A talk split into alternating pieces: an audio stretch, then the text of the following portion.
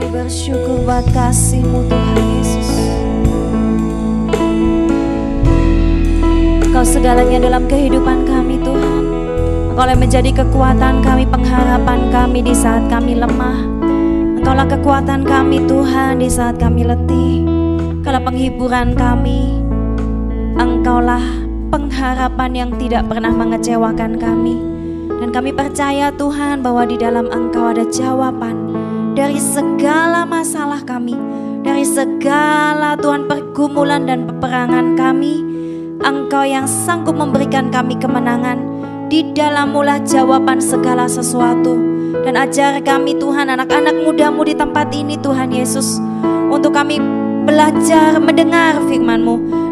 Dan belajar melakukan firman-Mu supaya Engkau semakin nyata di dalam kehidupan kami. Kami boleh diserupakan dengan Engkau Tuhan semakin hari.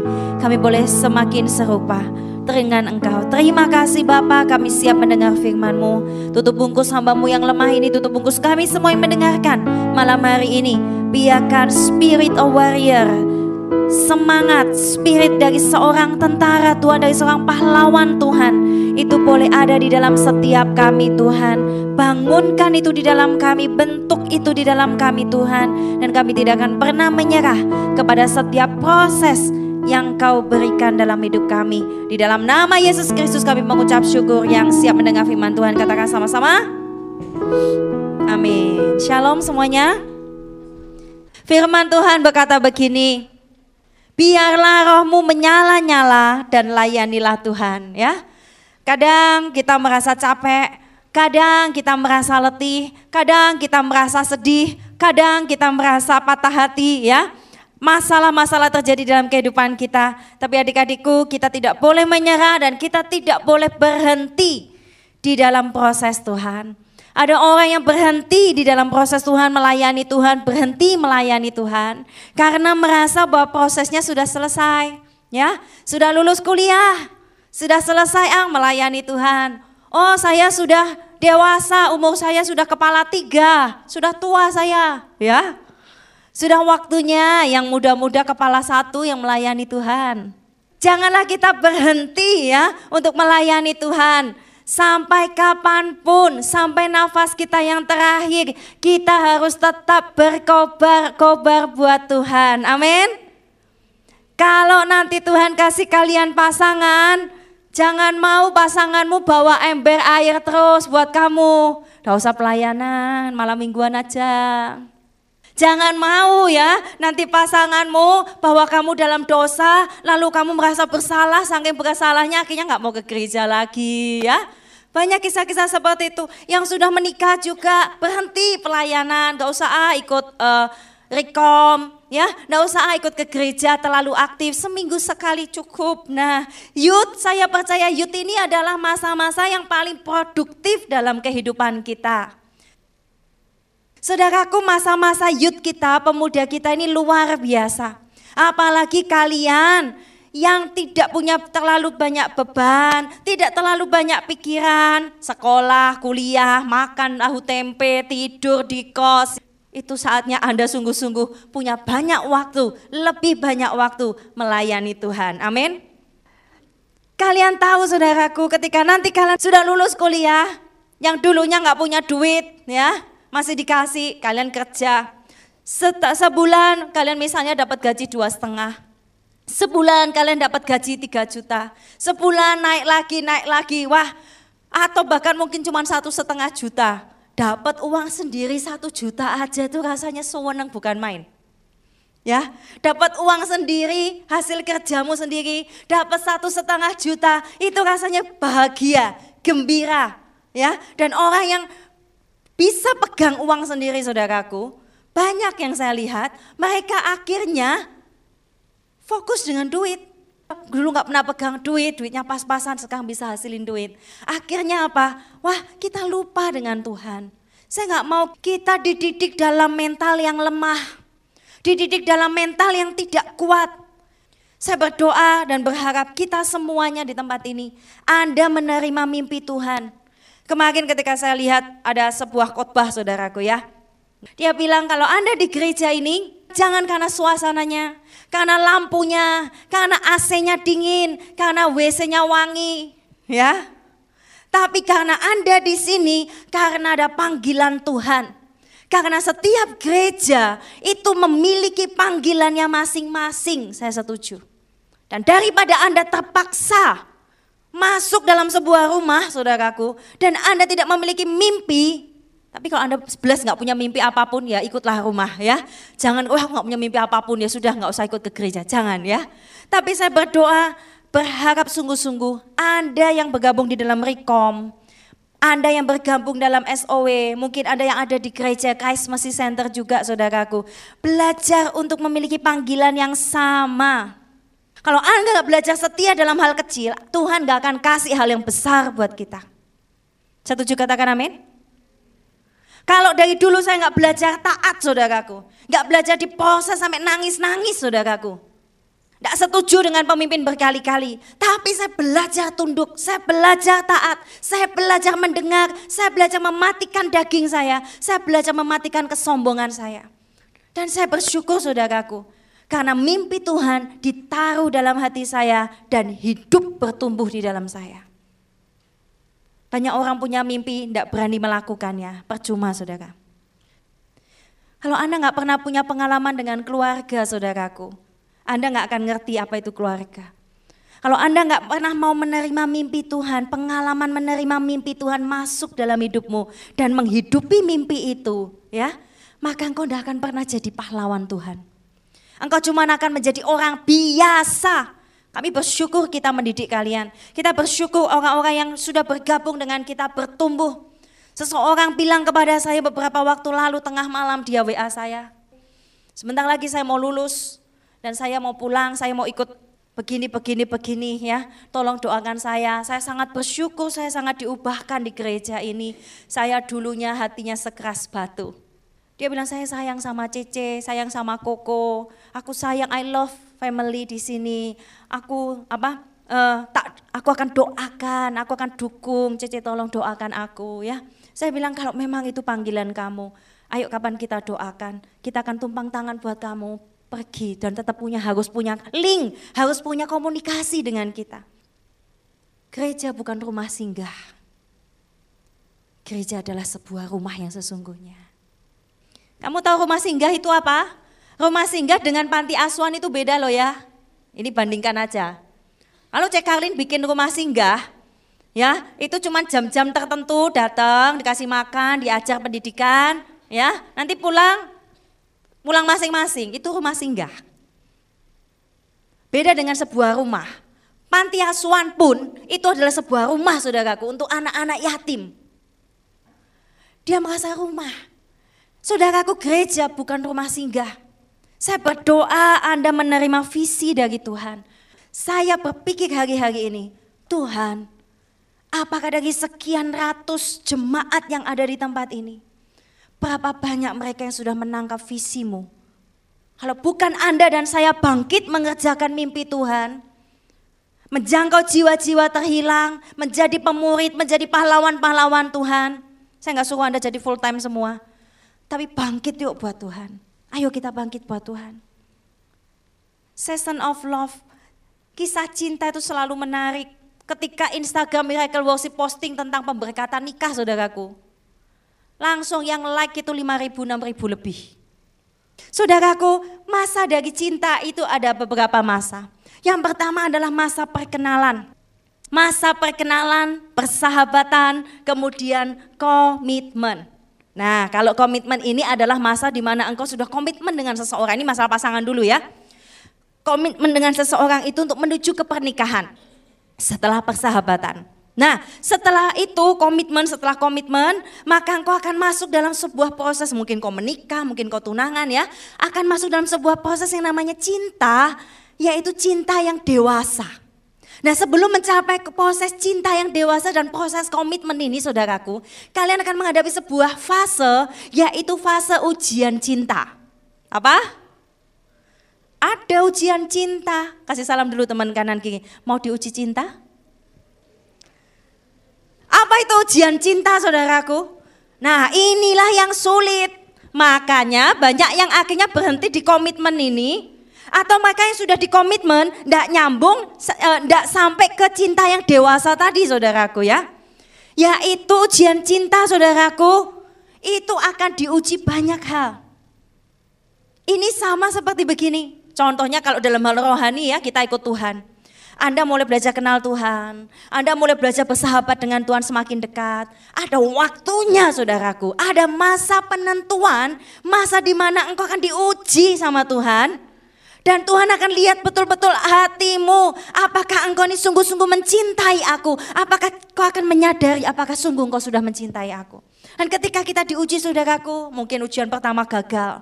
Kita ternyata lebih memilih hal-hal yang tidak rohani, diajak ke diskotikan sama teman sungkan daripada melayani Tuhan. Wah gagal.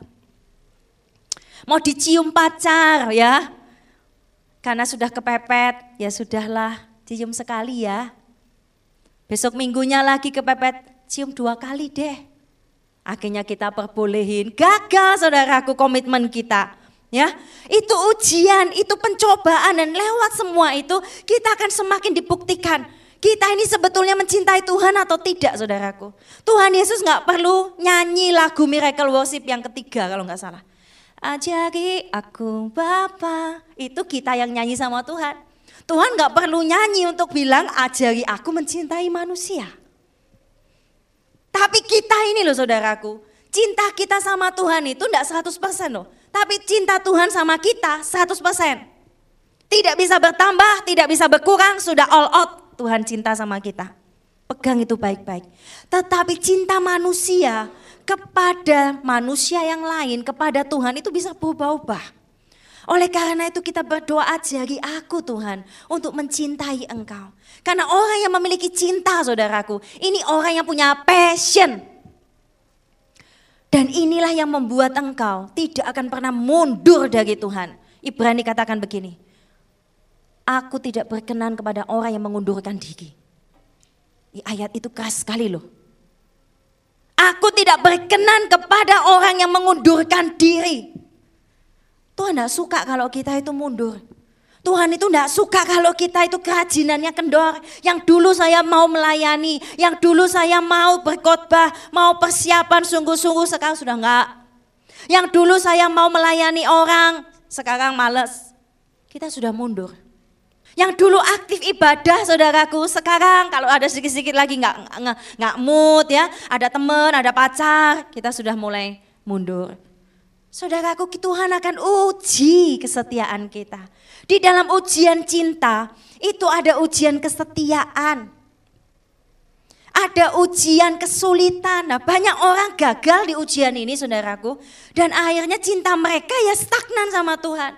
Mereka kenal Yesus, mereka tahu Yesus dan mereka tahu mereka harus buat baik, betul? Tapi mereka tidak akan mencapai panggilan yang maksimal. Perhatikan, Anda bisa pilih, Anda mau jadi orang yang maksimal atau orang yang rata-rata. Anda bisa jadi orang yang luar biasa dipakai Tuhan atau orang yang biasa saja. Itu pilihan saudaraku.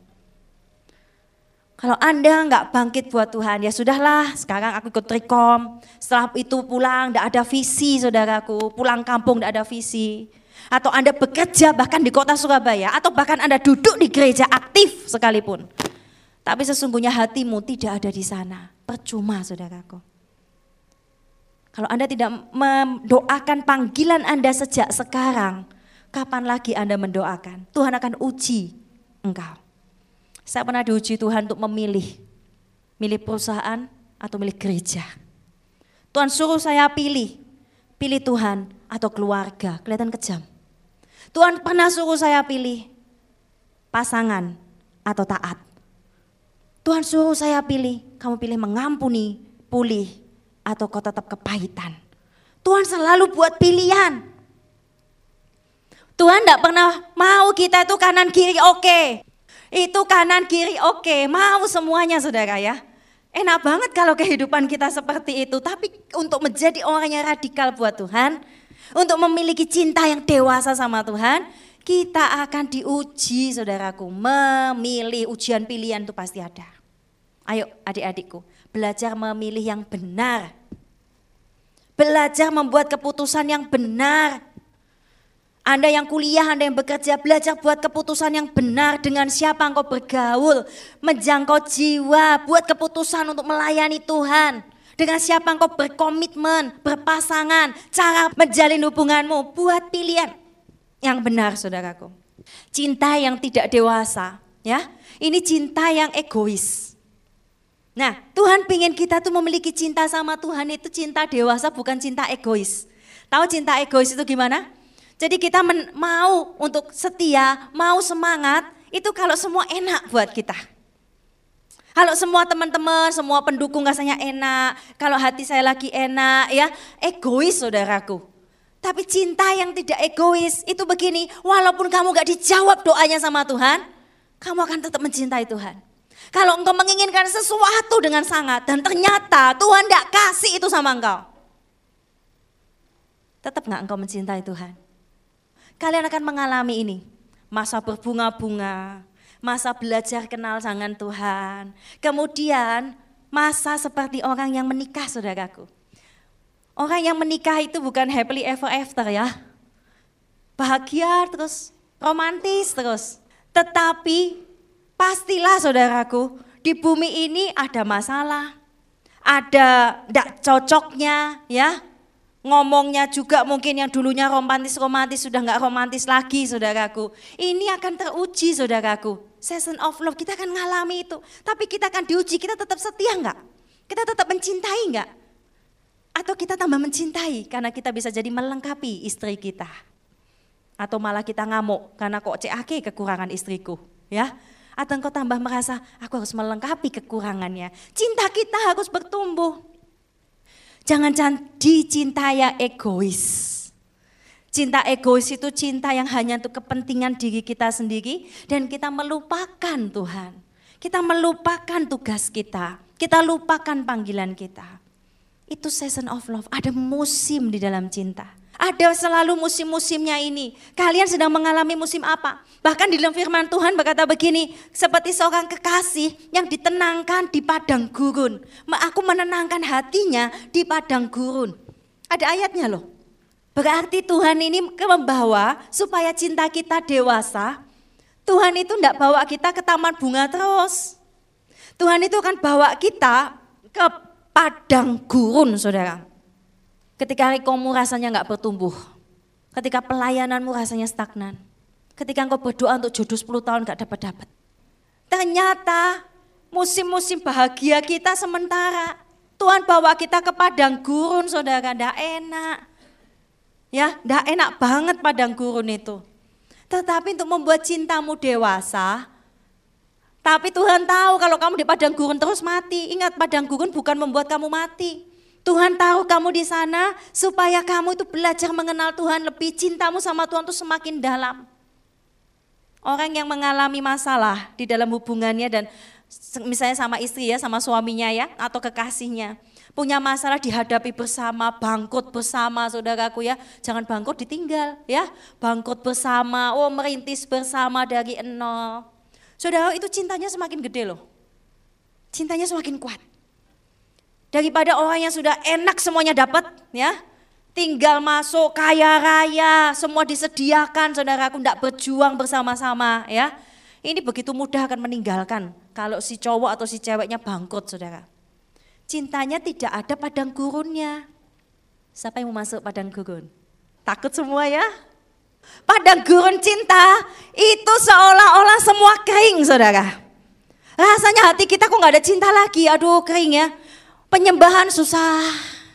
Ke gereja kering. Mau doa kok rasanya susah ya. Halo, kalau engkau merasakan seperti itu, ingat. Tuhan kadang izinin engkau ada di padang gurun dan Tuhan bilang, kamu kutaruh izinkan di situ bukan untuk mati. Tapi ada orang kebablas, di padang gurun tidak belajar cari Tuhan, di padang gurun bukannya malah cintanya sama Tuhan makin kuat, mati di padang gurun. Saudaraku kita semua pasti ngalami padang gurun itu.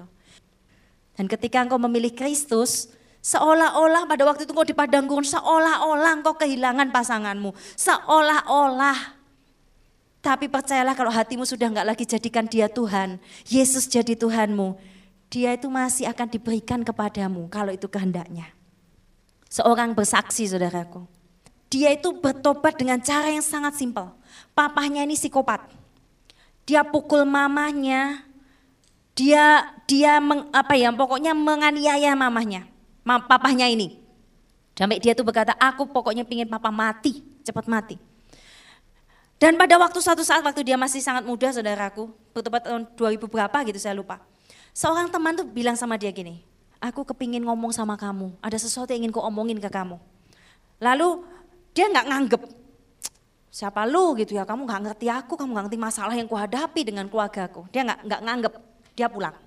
Dan setelah dia pulang saudaraku, omongan wajah orang ini dan omongannya tadi itu terngiang yang dipikirannya. Saya kasih tahu Anda harus belajar seperti ini.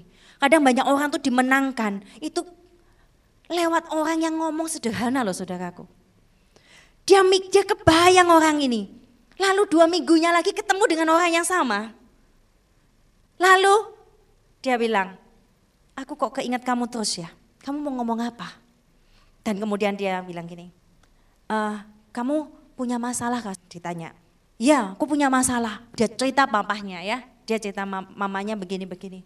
Lalu si orang anak Tuhan ini saudaraku, dia cerita tuh sampai nangis. Dia bilang begini, kamu tahu nggak? Tuhan itu melihat hatimu loh. Satu kalimat itu membuat dia sangat terharu dan tersentuh karena dia selama ini gak pernah tahu kalau Tuhan itu melihat hati. Tapi Tuhan melihat hati dia bilang, dia kesaksian, dia nangis. Aku gak pernah dengar kalau Tuhan itu melihat hati. Dan sejak saat itu dia ingin kenal Yesus Kristus. Dia coba belajar kenal Yesus Kristus. Dia belajar kenal Yesus Kristus, dia baca firman Tuhan. Lalu akhirnya dia menemukan saudaraku bahwa Yesus ini kebenaran dan akhirnya dia bertobat. Beberapa tahun setelah dia bertobat, dia menikah. Tentunya dengan anak Tuhan. Dia menikah lalu punya anak. Dan anaknya kena kanker darah usia beberapa bulan atau satu tahun sudah difonis kanker darah saudaraku. Dia cerita dengan nangis, dia bilang Tuhan aku ini loh baru saja kenal engkau. Aku ini baru saja tobat, baru saja kenal engkau. Kenapa engkau izinkan anakku ini kena leukemia? Ketika anaknya baru difonis, anaknya bilang gini, udah sembuh papa. Bagusan difonis dari rumah sakit itu, dia bilang sudah sembuh papa. Bilang begitu terus saudaraku. Sedangkan ranjang sebelahnya mati. Ya, leukemia mati sama seperti dia. Oh papanya takut sekali saudaraku, takut sekali. Dia berdoa, dia nangis-nangis. Dia setiap pulang, dia setiap sakit, dia bilang sakit papa, sakit papa. ya. Jadi separuh itu sakit. Ayo kita nyanyi lagi papa. Jadi dia tuh nyanyi lagi. Nyanyi lagu-lagu rohani. Papanya diajak nyanyi-nyanyi saudaraku. Masih bayi diajak nyanyi. Setiap dia sakit dia bilang, ayo nyanyi lagi papa. Dia nyanyi lagi. Lalu akhirnya dia dibawa ke luar negeri saudara. Dibawa ke luar negeri. Satu saat waktu waktu dia mau dioperasi diambil tulang di, diambil tulang sumsumnya itu diambil virusnya, dicek apakah masih ada virus di tulang sumsumnya caranya begitu ya. Lalu ketika pas mau dicek itu saudaraku, hari itu anak ini sama sekali nggak mau disentuh siapa-siapa.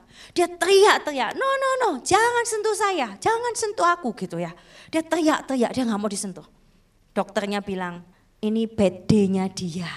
Ini anak ini lagi bad hari yang buruk. Tapi hari itu ternyata Kristus menjumpai anak ini saudaraku. Kristus menjumpai si Kairos ini. Lalu setelah dites besoknya karena kemarin tuh ngamuk-ngamuk gitu intinya seperti ngamuk kan waktu itu ya enggak mau disentuh pokoknya sama dokter sama perawat tuh enggak mau disentuh. Besoknya diambil di sumsumnya dia. Virusnya tinggal 3 persen. Lalu si papahnya ini, waduh kok bisa? Mujizat terjadi. Eh, sebentar lagi dites lagi. Dan dokternya bilang, sorry, sorry, sorry. Enggak tiga persen, virusnya sudah hilang. Belum dioperasi saudaraku. Ini sebuah mujizat yang luar biasa yang dia alami lewat penderitaannya dia saudaraku. Dia mengalami mujizat dan anak ini luar biasa sih bayi sejak dia sakit dia tahu dia akan sembuh. Dia selalu teriak-teriak ke papanya. Sakit memang tapi dia bilang aku sudah sembuh pak. Saudaraku, orang kalau nggak ngalami padang gurun, saudaraku. Engkau tuh cintamu sama Tuhan tuh biasa-biasa. Ayolah, kalau Anda sedang dibawa ke padang gurun, jangan nyerah. Apa padang gurunmu? Cinta ditolak? Atau apa masalahmu, saudaraku? Keluargamu hancur? Mamamu bangkrut, saudara? Kamu gak dapat-dapat pasangan? Nih saya ingat ya, dia bilang begini, saya mau sampaikan satu hal lagi. Dia bilang gitu. Tuhan, saya nggak ngerti awalnya kenapa kok Tuhan lakukan itu sama saya. Dia bilang, Tuhan mungkin tidak mau saya menjadikan anak saya ini, saya mencintai anak saya ini lebih dari Tuhan. Dia bilang, walaupun itu anak saya sendiri, dia bilang. Kita nggak boleh mencintai siapa pun, bahkan itu anakmu sendiri saudaraku, lebih dari Tuhan. Betul sekali. Kalau kita mencintai siapa pun, pasangan kita boleh berpasangan, kita boleh menikah, kita boleh punya kekayaan, kita boleh punya segala-galanya. Tetapi kalau kita menempatkan itu di atas Kristus, kita sudah gagal dalam cinta. Kalau kalian mengalami ujian cinta ini, padang gurun, seolah doa nggak bisa, Mau nyembah rasanya susah. Apakah kamu menyerah di padang gurun itu? Jangan. Coba berusaha terus cari jalan keluar dari padang gurun itu saudaraku. Karena Tuhan Yesus, eh, firman Tuhan bilang begini, aku menenangkan hatinya, aku menenangkan kekasihku di padang gurun. Tuhan itu menenangkan dan menemani kita loh di padang gurun itu. Jadi jangan khawatir saudaraku, ketika engkau dalam keadaan yang paling tidak bagus sekalipun, buat terobosan. Buat terobosan. Saya buat terobosan besar dalam hidup saya. Saya bersaksi, ketika saya belajar dan saya berhasil memilih kehendak Tuhan. Saya mengalami terobosan yang kedua. Ketika saya memilih di dalam panggilan Tuhan, melebihi apa pun saudaraku. Saya mengalami terobosan ketika Tuhan menyuruh saya memilih pasangan atau taat. Terobosan selalu datang saat kita taat. Anda ingin rohani, Anda mengalami terobosan, taat. Taat loh saudaraku, taat. Ayo belajar taat. Terobosan akan terjadi ketika kita taat. Kalau kamu sudah dapat mimpi dari Tuhan, jangan mundur dari mimpi itu sampai mimpi itu terjadi. Kamu harus belajar jadi penyelesai mimpi. Dan akhirnya saya tahu, Tuhan sudah tahu mimpi visi itu di dalam saya. Dan saya tidak boleh berhenti sampai mimpi Tuhan tergenapi sempurna. Jangan berpikir, oh dulu saya sudah pernah dapat mimpi, sekarang sudah ada yang nerusin mimpi kok yang lain-lainnya. Saya nggak perlu meneruskan mimpi, salah saudara.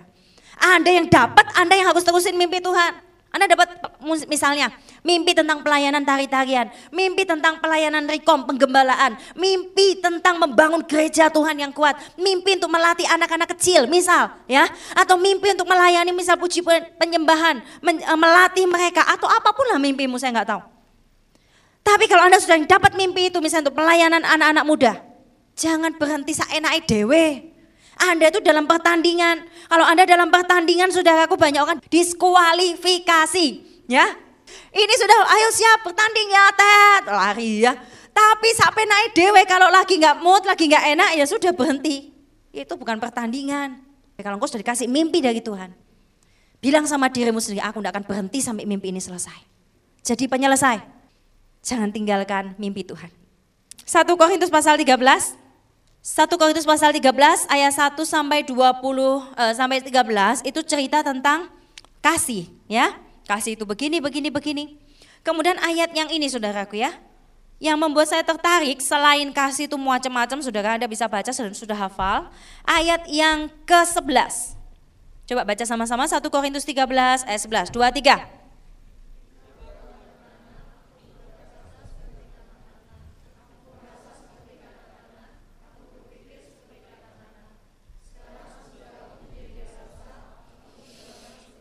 Ini bicara tentang apa saudaraku di atasnya itu bicara tentang kasih. Jadi seorang anak-anak itu yang pertama dia akan berkata seperti anak-anak. Makanya kalau sudah gede kayak gini terus ngomong, iya mami. Itu jengkelin saudara. Aku belum makan ya. Anak-anak ya ngomongnya seperti anak-anak. Tapi kalau kamu sudah gede saudaraku, gak usah sok anak-anak. Ngomongnya dikiut-kiutin. Ya, Anak-anak berkata-kata seperti anak-anak, merasa seperti anak-anak, berpikir seperti anak-anak. Lalu Rasul Paulus bilang begini, tapi ketika aku sudah beranjak dewasa, cinta yang dewasa, kasih itu bertumbuh saudaraku, sifat-sifat kita bertumbuh. Maka ada tiga indikator seorang yang dewasa saudaraku. Yang pertama, berkata-kata. Dari kata-katamu akan menunjukkan loh kamu ini sudah dewasa atau masih anak-anak. Dari kata-kata kita ini akan kelihatan kamu itu mencintai Tuhan atau enggak. Itu dari kata-kata. Apa yang kita ucapkan setiap hari ini loh, ngapain? Gosipin orang, jelekin orang, atau kita ini membagi firman, menguatkan orang, menginjil, itu beda. Yang kedua orang yang dewasa berarti perasaan kita juga dewasa. Kemudian yang terakhir apa? Berpikir. Ya, jadi ada tiga hal, berkata, merasa atau perasaan, pikiran. Pikiran kita juga harus lebih dewasa saudaraku ya. Ketika kita diajar Tuhan untuk dewasa. Kalau Tuhan bawa kamu dan izinin kamu ke padang gurun tolong jangan pernah menyerah. Jangan bikin camping di sana. Bikin tenda dan bikin anak cucu. Jangan Tuhan tidak pernah ingin kamu jadi seperti itu ya keluar dari padang gurun itu Hadapi padang gurun itu. Ada hal-hal di bumi ini saudaraku yang tidak bisa dihindari. Ada orang yang mundur dari Tuhan karena mamanya meninggal. Ada yang karena keluarganya bangkrut. Mundur dari Tuhan, mundur dari rencana Tuhan, marah sama Tuhan, kecewa sama Tuhan. Itu nggak bisa dihindari saudaraku. Suatu saat semua orang kita pun, saya pun suatu saat akan kehilangan mama papa. Nah ada hal-hal yang nggak bisa dihindari saudaraku.